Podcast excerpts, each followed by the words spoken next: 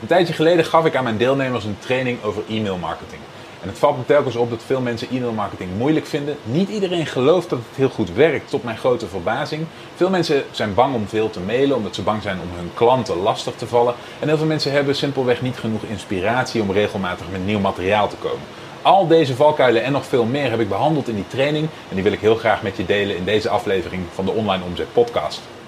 Dus je bent ondernemer en je ziet de enorme kansen die het internet biedt om je bedrijf te laten groeien. Maar hoe grijp je deze kansen? Wat moet jij doen om in de online wereld je bereik, impact en je resultaten te laten groeien? Mijn naam is Michiel Kremers en in deze podcast neem ik je mee achter de schermen in een modern, hardgroeiend online bedrijf en ontdek jij het antwoord op de vraag: hoe worden kleine ondernemers groot? Hallo, mijn naam is Michiel Kremers. Welkom bij een nieuwe aflevering van de Online Omzet Podcast. Zoals ik al zei, wil ik vandaag een training met je delen die ik een tijdje geleden aan mijn deelnemers heb gegeven over online e-mail marketing. E-mail marketing is, is uitdagend voor veel mensen en ik denk dat in deze training een aantal van de meest voorkomende valkuilen aangestipt worden waarmee je jezelf kunt behoeden voor wat tegenslagen. Kijk er naar uit om deze met je te delen, dus laten we snel gaan kijken. In het programma loop je namelijk op een gegeven moment tegen het onderdeel aan over e-mail marketing. En dan gaat het over het opzetten van de verschillende segmenten van je e-mailmarketing. Dus over het eigenlijk primaire segment, de e-mails die mensen kort nadat ze zich bij je hebben gemeld voor de eerste keer ontvangen. En daar um, richten we ons heel erg op de korte termijn verkoop. Dus wat we eigenlijk willen doen is we willen de, um, we willen de aanmelding consolideren. En we willen ervoor zorgen dat we op zo kort mogelijke termijn de kosten die we hebben gemaakt voor het binnenhalen van een nieuwe potentiële klant terugverdienen. Dus in de eerste instantie is je e-mailmarketing, hè, nadat mensen zich hebben ingeschreven, echt een beetje een push op, een, uh, op het product wat je hebt aangeboden als low-end product. En daarna begint een eigenlijk onderhoudstraject, wat veel, ja, wat eigenlijk voor onbepaalde tijd voort kan duren. Dus dat kan gaan over weken, maanden, zelfs jaren. En wat ik veel zie gebeuren, en een vraag die ik ook regelmatig krijg, is dat mensen op een gegeven moment niet meer zoveel inspiratie hebben voor het schrijven van die mails. En dat ze niet zo goed weten hoe ze die mails überhaupt aan moeten pakken. Waar ze het over moeten hebben. Het gevoel dat je niets te melden zou hebben. Het idee dat, uh, dat mensen niet zitten te wachten op je e-mail. Angst om veel te mailen. Is zijn dingen die vaak terugkomen. En dat wil ik vandaag aanstippen, want dat is een, um, een onterechte angst. Een onterechte twijfel. Wat je je altijd moet realiseren is dat mensen zich vrijwillig hebben ingeschreven voor jouw e-maillijst. En dat ze uh, warm zijn geworden voor het, voor het stukje waarde wat jij hebt geruild voor hun uh, contactgegevens, voor hun e-mailadres. Dus je weet van tevoren zeker dat ze interesse hebben in jouw vakgebied, in jouw werkveld, in wat jij ze kunt meegeven. Je weet dat, dat er een, een basis van interesse is. Dus je kunt je voorstellen dat alles wat op dat onderwerp, op jouw specifieke onderwerp ingaat, interessant is voor die persoon. En soms moet je daar eventjes een, eh, een, een vertaalslag voor maken. Dus een, een tijdje geleden bijvoorbeeld uh, begeleiden we iemand die in outdoor producten uh, handelde. En die had een, een outdoor kit samengesteld en die verkocht hij. En hij was eigenlijk een beetje bang om daarvoor te mailen. Want hij had in de eerste instantie mensen zich in laten schrijven voor, ik geloof, tien, tien kampeertips voor Nederland. Hè? Dus het is een beetje in de, in de survival-achtige uh, wereld is Nederland een relatief saai land, omdat er niet zoveel mogelijk is. En hij had tips ontwikkeld over hoe je dan toch een zeg maar, survival avontuur in Nederland kon houden. En vervolgens uh, promoot hij aan de mensen die zich daarvoor hebben ingeschreven, promoot hij survival artikelen en outdoor artikelen.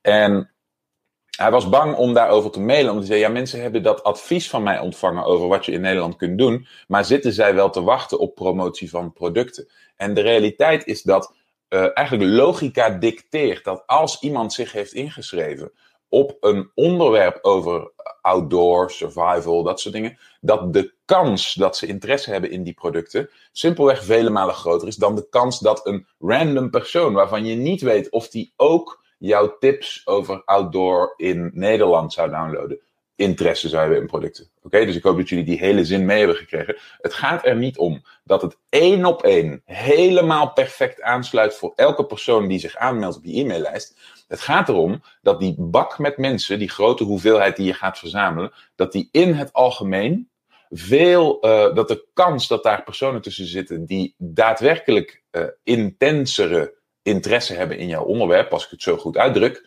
uh, dat die kans veel groter is dan als jij bij wijze van spreken breed gaat schieten op het internet. Als je rechtstreeks zou gaan adverteren naar Jan en Alleman met je producten. Oké, dan is de kans dat je die mensen raakt die daadwerkelijk interesse hebben in dat onderwerp, is veel kleiner. En dat is de, het doel van je e-maillijst. Het is een, een schifting van mensen die, uh, waarvan je niet weet of ze überhaupt enige interesse hebben, naar mensen waarvan je weet dat ze enige interesse hebben. Dan ga je e-mailen. Mensen reageren op die e-mail, gaan in op die e-mail. Hè. Je geeft ze een mogelijkheid om iets te doen, een call to action. Dat is de volgende schifting. Dus dan krijg je mensen die niet alleen mogelijk interesse hebben, maar die zeer zeker interesse hebben. En dan krijg je als laatste stap de mensen die ook nog bereid zijn om een investering te doen. Dus zo doorloop je eigenlijk alle stapjes van heel breed, uh, zeg maar gewoon de, de Nederlandse bevolking, naar het deel van de Nederlandse bevolking wat interesse heeft in jouw onderwerp, naar het deel wat specifiek interesse heeft in wat jij aanbiedt, naar het gedeelte wat ook nog geld wenst uit te geven. Oké, dat is een beetje het idee. Nou, als je daarvoor e-mails moet gaan ontwikkelen, dat kan soms een uitdaging zijn, dan zijn er een aantal um, formats die je kunt gebruiken. En een aantal daarvan, die geef ik je ook mee in het programma. En ik wilde er uh, eventjes één met, met jullie behandelen, die ik zelf eigenlijk altijd als standaard gebruik als ik begin. En uh, waarmee je alle kanten nog op kunt. En dat is eigenlijk deze. Het eerste wat ik altijd doe, is een pattern interrupt. PI staat voor pattern interrupt, een patroononderbreking. En dat betekent simpelweg, mensen krijgen heel veel e-mail. Oké, ze krijgen van alles in hun inbox dingen die helemaal niets met, jou, uh, met, jouw markt, uh, met jouw marketing te maken hebben, met jouw onderwerp te maken hebben. Het gaat alle kanten op. Het zijn dingen, serieuze dingen, minder serieuze dingen, reclame, dingen voor hun werk, dingen van familie. Het komt allemaal langs. En allemaal wordt het door, uh, door een gedeelte van het brein heel snel gefilterd. Oké, dus het is een, een combinatie van, van frontale cortex en optische signalen, waar heel snel gekeken wordt: is dit nuttig of niet? En je moet het maar eens bij jezelf controleren als je na een paar dagen niet in je e-mail te zijn, voor zover er mensen bestaan die een paar dagen uit hun e-mail kunnen blijven, steeds zeldzamer vandaag de dag.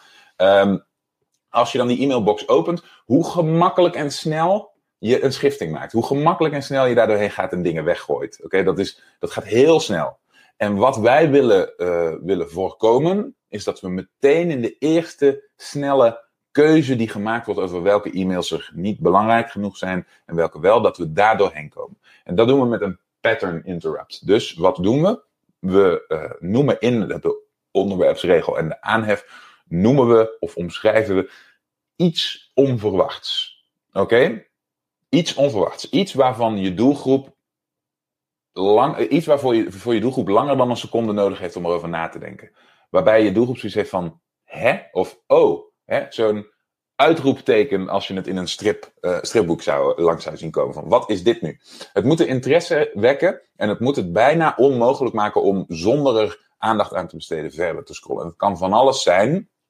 En ik moet ook heel eerlijk bekennen dat de uitdaging om een goede pattern interrupt te maken vandaag de dag groter wordt. Wordt met de jaren groter, omdat mensen steeds meer, um, omdat het internet steeds luidruchtiger wordt, laat ik het zo zeggen. En omdat er steeds meer commercie op aanwezig is. Dus ja, eigenlijk schreeuwt iedereen steeds harder om elkaars aandacht. En, uh, en om in dat spelletje mee te kunnen, wordt dat stukje pattern interrupt wordt steeds uitdagender. En dat goed kunnen wordt dus steeds belangrijker. En over het algemeen is mijn formule om een pattern interrupt te doen, is goed nadenken over wat, uh, is, wat is een onderwerp waar mijn doelgroep waarde aan hecht. Wat is een, doelgroep, uh, wat is een onderwerp wat mijn doelgroep uh, ziet als belangrijk, zodat als ik erover praat in mijn onderwerpsregel, ik een grotere kans heb dat ze er even naar kijken. Wat, uh, waarbij ervaart mijn doelgroep enige mate van spanning, enige mate van onzekerheid, enige mate van frustratie, enige mate van angst. Oké, als ik dat, dat zijn, dat klinkt een beetje negatief, maar dat is vaak wel waarop mensen het, uh, het sterkst reageren en waarbij de kans op slagen, de kans op de aandacht voor jezelf winnen, het grootst is. Um, dat kan van alles zijn. Maar stel dat jij een, um, een, een, een een handelaar bent in, of een glaszetter bent, ik wou zeggen een handelaar in glas, maar een glaszetter bent, oké, dan wil jij in principe de aandacht trekken van mensen bij wie een, een, een ruit is gesneuveld, bijvoorbeeld. Oké. Um, een goede pattern interrupt, en je kunt, hier, je kunt hier heel, uh, heel ver gaan, je kunt van alles bedenken, maar een goede pattern interrupt is misschien wel, um, gisteren nacht hoorde ik iemand een steen door jouw ruit gooien.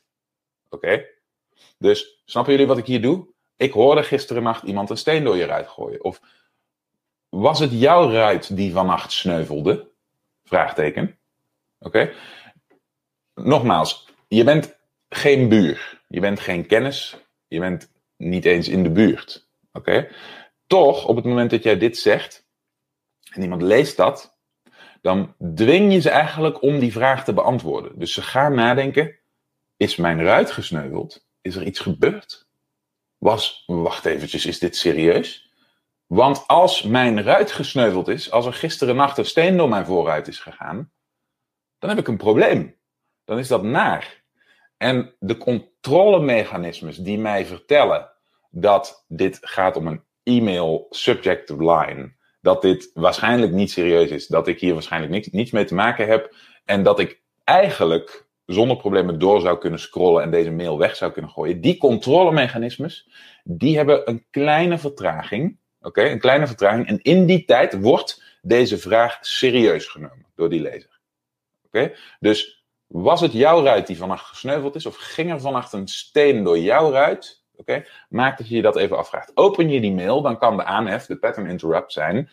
Um, wat, zou, of, uh, wat zou jij doen als je ochtends opstond en je hele woonkamer onder het glas lag, omdat er een steen door je vooruit is gegaan? Of wat als bij de eerstvolgende storm die over Nederland raast, al, die, alle, uh, alle, al het glas aan één kant van je huis eruit geblazen wordt?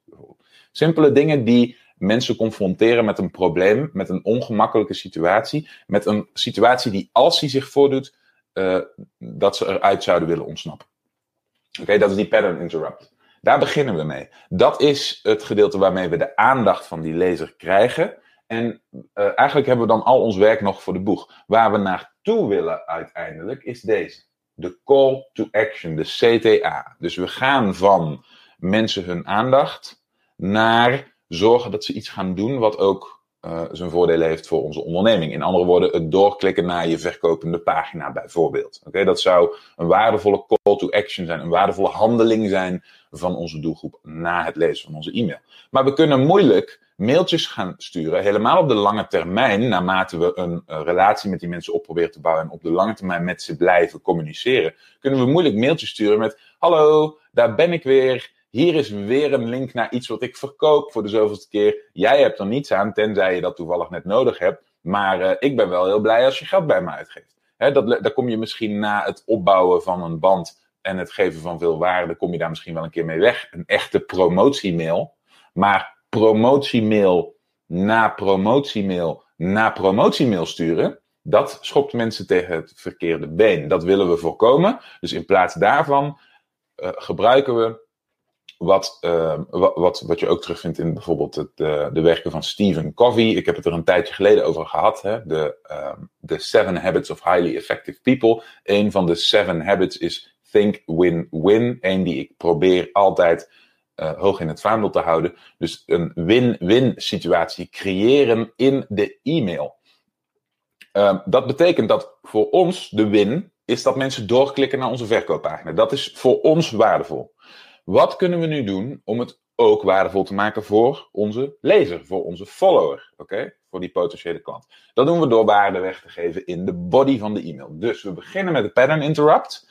Dat moeten we, want als die mail niet gelezen wordt, dan is alles verloren. Dus dit is eigenlijk een beetje een necessary evil. Als we het konden met lief zijn, als we het konden met gedekte berichten, als we het konden met, met uh, zonder uh, opvallend te zijn, zouden we doen. Maar dat kan niet, want dan wordt die mail niet gelezen. Dus dat is een, een necessary evil, een, een, een, ja, een verplicht kwaad. Ik weet niet hoe het de Nederlandse variant ervan is. Maar daarna komt een stukje waarmee we het eigenlijk goed maken. Namelijk, we bewijzen aan die lezer: hey, het feit dat jij deze mail geopend hebt, is je moeite meer dan waard. Want ik, ik deel hierin iets met je wat, wat, echt, uh, ja, wa, wat je echt nodig hebt of wat je echt kunt gebruiken. Wat echt nuttig is. Oké? Dus hier komt een stukje waarde, value first. Maar we willen uiteindelijk toe naar die call to action. We willen iemand ertoe aanzetten dat hij uh, uh, dat die actie onderneemt en dat die idealiter doorklikt. En dat er uiteindelijk een verkoopmoment kan ontstaan op basis van die interactie van die e-mail. Okay, dus we, geven eerst een stukje value, maar al vrij snel willen we ervoor zorgen dat die persoon zijn oren spitst over wat wij te vertellen hebben. en zich gaat realiseren dat hij of zij wat, wat wij aanbieden nodig heeft. Oké, en dat is heel belangrijk voor het schrijven van die e-mail. Hetgene wat hij of zij nodig heeft, oké, dat moet hij zich realiseren. En dat doen we door, en daar heb ik het vorige keer ook over gehad, een openbaring. Misschien hebben een aantal van jullie mijn e-mail daarover gelezen die ik vorige week heb gestuurd. Een openbaring. Uh, daar hebben we het in het programma uitgebreid over. Wat we met die openbaring bedoelen, is dat we simpelweg uitleggen aan die mensen van wacht eventjes, jij staat op mijn e-maillijst voor vanwege een bepaald onderwerp waar je interesse in hebt getoond, iets wat relevant is in jouw leven. En eigenlijk is alles wat je daarover dacht, of eigenlijk is een gedeelte van wat je daarover dacht, is helemaal niet hoe het werkt. Oké? En in het, om even terug te komen bij ons voorbeeld, ons praktijkvoorbeeld, de glaszetter. Uh, die kan als openbaring in zo'n e-mail misschien wel delen. Wist jij dat de meeste uh, glasschade uh, helemaal niet optreedt door, door ongelukken, helemaal niet optreedt door dingen die door eruit vliegen of door kinderen, want misschien denken veel mensen dat, maar door de wind. Oké? Okay? De meeste glasschade vindt plaats door de wind. Oké? Als je dat nog niet wist, dan noemen we dat een openbaring. Dan is dat een aha-momentje. En dat is ook een moment waarop je je kunt realiseren dat je misschien wel veel meer risico loopt met al het glas in je huis dan je tot dat moment deed. Oké? Dus die openbaring zorgt ervoor dat jouw denkwijze over het onderwerp, jouw denkwijze over de noodzaak van, van het kennen van een goede glaszetter bijvoorbeeld, dat die verandert, dat die actueler wordt. Oké? Dus dan heb je de aandacht van die persoon. En dan willen we de pitch maken, de overgang maken naar de pitch. Dus uitleggen dat wij daadwerkelijk een, een oplossing hebben voor die persoon. Dat wij iets interessants kunnen bieden en dat ze daarvoor actie moeten nemen, kunnen nemen, door op de link te klikken. Oké? Dit is in een notendop hoe ik de meeste van mijn e-mails opbouw. Oké? Wat hierbij heel belangrijk is, is dat je het stukje waarde altijd de moeite die iemand heeft gedaan om jouw mail te openen en eigenlijk het vertrouwen wat iemand je gegeven heeft om daadwerkelijk verder te kijken dan je subject line, het vertrouwen te geven, het vertrouwen van het geven van hun aandacht aan jouw e-mail, dat je dat altijd beloont door daadwerkelijke waarde. Oké? Dus het kan van alles zijn als die persoon maar denkt: oh, dat is fijn, of oh, dat is handig, of oh, daar kan ik wat mee. Of oh, dat wist ik nog niet. Al die reacties tonen eigenlijk aan dat je het goed hebt gedaan. En het is zo belangrijk, want deze fout wordt zoveel gemaakt dat er uh, ofwel niet gemaild wordt, want mensen durven niet te mailen. Dat zie ik bij heel veel. Ofwel dat wat er gemaild wordt troep is. Dat mensen er niet op zitten te wachten. Dat er daadwerkelijk heel veel uitschrijvingen volgen. Wat overigens bij dit soort e-mails vaak heel erg meevalt. De enige die zich zal uitschrijven bij het ontvangen van zo'n type e-mail is iemand die eigenlijk geen interesse heeft. Die eigenlijk niet echt bij je doelgroep behoort. Die eigenlijk niet echt bereid is ooit iets uit te geven aan je. Die nooit echt mogelijk klant zal worden bij je. En die mensen die hoeven we helemaal niet op onze lijst te hebben. Dus het feit dat die zich uitschrijven is niet zo erg. Maar die mensen die wel interesse hebben, die dit onderwerp wel serieus nemen, die schrijven zich niet uit doordat ze dit soort e-mail van je ontvangen. Sterker nog, die worden meer betrokken omdat je de dialoog voedt. Dat wilde ik jullie graag meegeven vandaag. En dat volg, dan, dan volg ik daar meteen eventjes op met een vraag aan jullie. Wie heeft er al een e-mailserie geschreven? En wat waren daarbij je grootste uitdagingen? Maar vooral die eerste. Wie is er überhaupt al begonnen met het schrijven van een e-mailserie? Oké, dus zowel dat korte termijn gedeelte wat we in het programma behandelen, als het lange, langere onderhoudstraject wat daarop volgt. Hè? Dus bijvoorbeeld een wekelijkse e-mail. Ben ik erg benieuwd naar. Um, de vraag die ik langs zie komen is: hoe lang moet zo'n e-mail zijn? Daar is geen regel over. Maar, pardon, over het algemeen geldt dat, je, uh, dat mensen te kort denken. Dus dat er dat vaak de e-mails die ik lees uh, van mensen, dat die heel bondig en heel kort zijn, omdat mensen een beetje bang zijn om, om de tijd en de aandacht te lang vast te houden van hun doelgroep, dat ze dat om een of andere reden niet verdiend zouden hebben. En dan worden de e-mailtjes kort en daarmee dun, oké, en niet zo waardevol. Je kunt veel beter de tijd nemen om een echte waardevolle mail te schrijven. Want degene, de, de mensen binnen je doelgroep die niet de tijd kunnen nemen omdat ze geen tijd hebben, of de tijd willen nemen om heel die e-mail te lezen, die realiseren zich toch dat wat er naar, je, naar ze toe is gemaild door jou wel waardevol is. Ze zien, oh wacht even, hier heeft die persoon echt eventjes op gezeten. Uh, hier is mij iets toegestuurd waarvan uh, de hoop is geweest dat ik, er, dat ik er iets aan heb. Ik heb er alleen zelf geen tijd voor. En dan wordt het je vergeven. Maar als je meerdere malen hele dunne, hele korte mailtjes schrijft. en men, dat, dan is de kans dat mensen hem uitlezen groter. Als ze dan de conclusie trekken, ja, eigenlijk stond er niet zoveel nuttigs in. Oké, dan schiet je jezelf in de voet. Dus er is geen regel over hoe lang een e-mail moet zijn. Maar ik geef je wel graag mee, bespaar niet op lengte van de tekst als je je onderwerp nog niet goed hebt uitgelegd. Oké, Als je nog niet de details, de nitty gritty, als je nog geen waarde hebt gegeven, als je nog niet de diepte in hebt kunnen gaan. Oké, Neem dan gewoon wat extra ruimte. Oké, hopelijk heb je iets gehad aan deze tips. Zoals je ziet is het heel belangrijk om je e-mailmarketing te segmenteren en in te delen in verschillende onderdelen, waardoor het gemakkelijker wordt om wat variatie in onderwerpen aan te brengen. Ik hoop dat je hiermee geholpen bent en ik hoop dat je hiermee je eigen e-mailmarketing kunt gaan verbeteren en dan kunt gaan ervaren dat dit daadwerkelijk iets bijbrengt aan je bottom line. Dat je hiermee daadwerkelijk meer omzet kunt genereren uit je lijst met contacten. Als je nu bij jezelf denkt, hey, dit zijn onderwerpen waar ik meer hulp bij nodig heb. Dit zijn onderwerpen waar ik zelf mee worstel. Hier wil ik graag meer over weten. En je zou willen weten hoe je die e-mailmarketing nu toepast in een geheel van een verkooptraject. Waarbij alle onderdelen geautomatiseerd op elkaar aansluiten. En zorgen voor de toestroom, de automatische toestroom van nieuwe betalende klanten. Plan dan een gesprek met me in op onlineomzet.com slash interesse. Dan spreken we elkaar hopelijk heel snel. En dan zie ik je heel graag in de volgende aflevering. Bedankt voor het luisteren. Heb je iets aan deze aflevering gehad of heb je een vraag? Laat het me weten via de comments. En vergeet niet te abonneren. Dan blijf je op de hoogte van alle tips en strategieën waarmee jij als moderne ondernemer groot kunt worden. Voor een overzicht van alle afleveringen ga je naar onlineomzet.com/podcast.